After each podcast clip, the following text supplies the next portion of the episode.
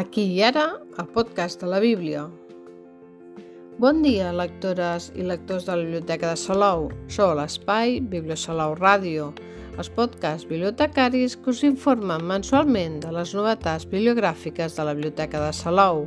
que podeu seguir a Anchor i també a Spotify, a més de les nostres xarxes socials.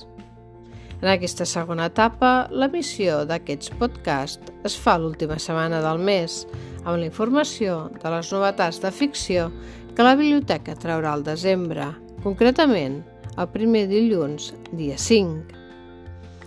El podcast dels dimarts és el dia de la narrativa en català i avui, 29 de novembre, us presentem les 8 novel·les que trobareu amb les novetats de ficció del mes de desembre. Escolteu i preneu una nota, que comencem. Encetarem l'últim mes d'aquest any amb les novetats editorials de cinc autors catalans i unes altres tres traduccions d'autors estrangers de llarga trajectòria, com la Sara Lark amb l'estrella de l'Illa Nord i Cormac McCarthy amb, els amb El passatger i Estela Maris, una doble novel·la publicada en un sol volum. Amb dos autors són novel·listes consagrats i d'èxit, que feia temps que no publicaven. En el cas de la Sara Lark, després de quatre trilogies ambientades a Nova Zelanda i una sèrie ambientada al Carib, torna als paisatges i a la naturalesa de Nova Zelanda, amb una història de traïció, desesperació, coratge i amor. També d'amor per als cavalls, emmarcada en la Primera Guerra Mundial – amb el més pur estil que la va fer triomfar amb la sèrie Núvol Blanc de 2007. Torna també Cormac McCarthy, amb 89 anys i després de 16 anys sense publicar, amb dues novel·les que es publiquen en un sol volum per parlar del suïcidi, l'incest, la malaltia mental i de teories científiques i filosòfiques de tota mena. Són novel·les independents que, llegides seguides, es complementen i es magnifiquen per presentar els dos costats d'una realitat, en la qual els dos personatges principals estan marcats per un mateix passat comú. I amb menys trajectòria, però no menys exitosa, la tercera traducció és la novel·la de Richard Osman,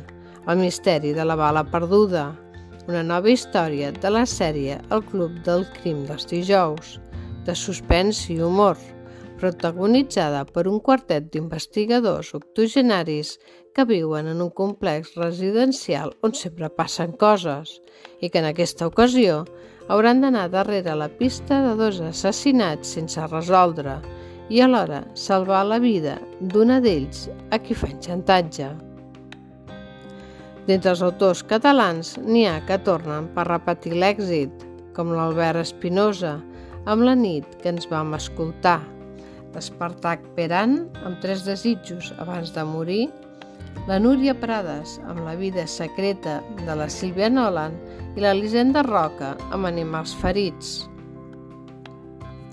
La nit que ens vam escoltar de l'Albert Espinosa és una novel·la d'acció i sobretot d'emoció, sobre segones oportunitats i sobre l'equilibri entre els somnis i les promeses, en la qual un dels protagonistes, quan després d'una llarga lluita contra el càncer ha d'entrar a quiròfan per una operació a vida o mort, desitja passar una última nit fora de l'hospital per complir els desitjos d'aquells companys també malalts que no van sobreviure a la malaltia i haurà de ser el seu germà Bessó que suplantarà aquella nit perquè compleixi el seu desig. L'Espartac Peran escriu un assaig autobiogràfic on explora la seva vivència de la mort i el dol a partir de les seves experiències al llarg de la vida, que el van marcar ja des de la infantesa en perdre el germà gran que no va arribar a conèixer, llibre amb el qual convida el lector a reflexionar sobre aquests temes per sobre dels estigmes i els tabús. La vida secreta de la Sílvia Nolan, de la Núria Prades, és un homenatge a les dones que durant la República van apostar per un feminisme alliberador. La novel·la transcorre en dues línies, línies temporals, però arrenca en 1964, quan la filla de la Sílvia Nolan, escriptora de fama internacional, rep a la seva mort una capsa plena de secrets, de cartes d'amor apassionades firmada per la lletra L i una foto datada el 1931 a Barcelona on surt la seva mare de jove en companyia de dues noies més. Una troballa que l'empeny a cercar a París i a diferents llocs l'amant de la seva mare per descobrir qui va ser la seva mare, el seu passat en temps de guerra i la seva vida secreta, mentre alhora fa un viatge per conèixer-se ella mateixa. I deixem en aquest darrer espai dues novel·les que destaquem. En primer lloc, Animals ferits, perquè és la primera incursió a la novel·la d'adults de l'Elisenda Roca, periodista, presentadora de televisió, dona de teatre, amb una vasta obra en la literatura infantil. Amb aquesta novel·la, que deixa reposar durant uns 19 anys, parla sobretot de les segones oportunitats a través de les històries de diversos personatges ferits que acabaran confluint i convivint en un mas enmig del bosc, on compartiran confidències i intentaran resituar el passat i refer la vida.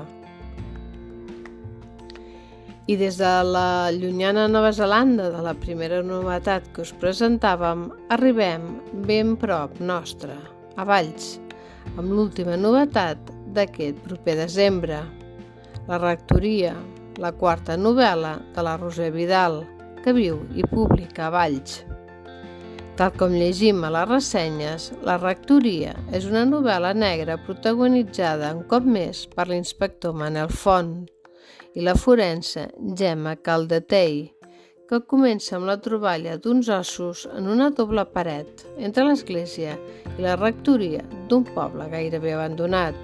i que ens duen un viatge pel temps des de l'obscurantisme medieval, les tragèdies amagades de la Guerra Civil i la postguerra fins a l'actualitat i fins al present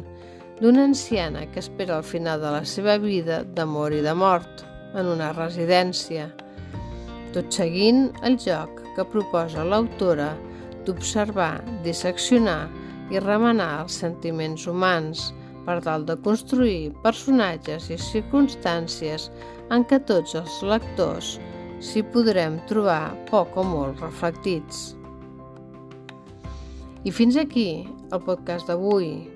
que un mes més ha fet un petit repàs de totes les novetats de narrativa en català d'autors catalans i traduccions que estaran disponibles per a vosaltres, lectores i lectors de la Biblioteca de Salou, el proper dilluns i primer dilluns de desembre.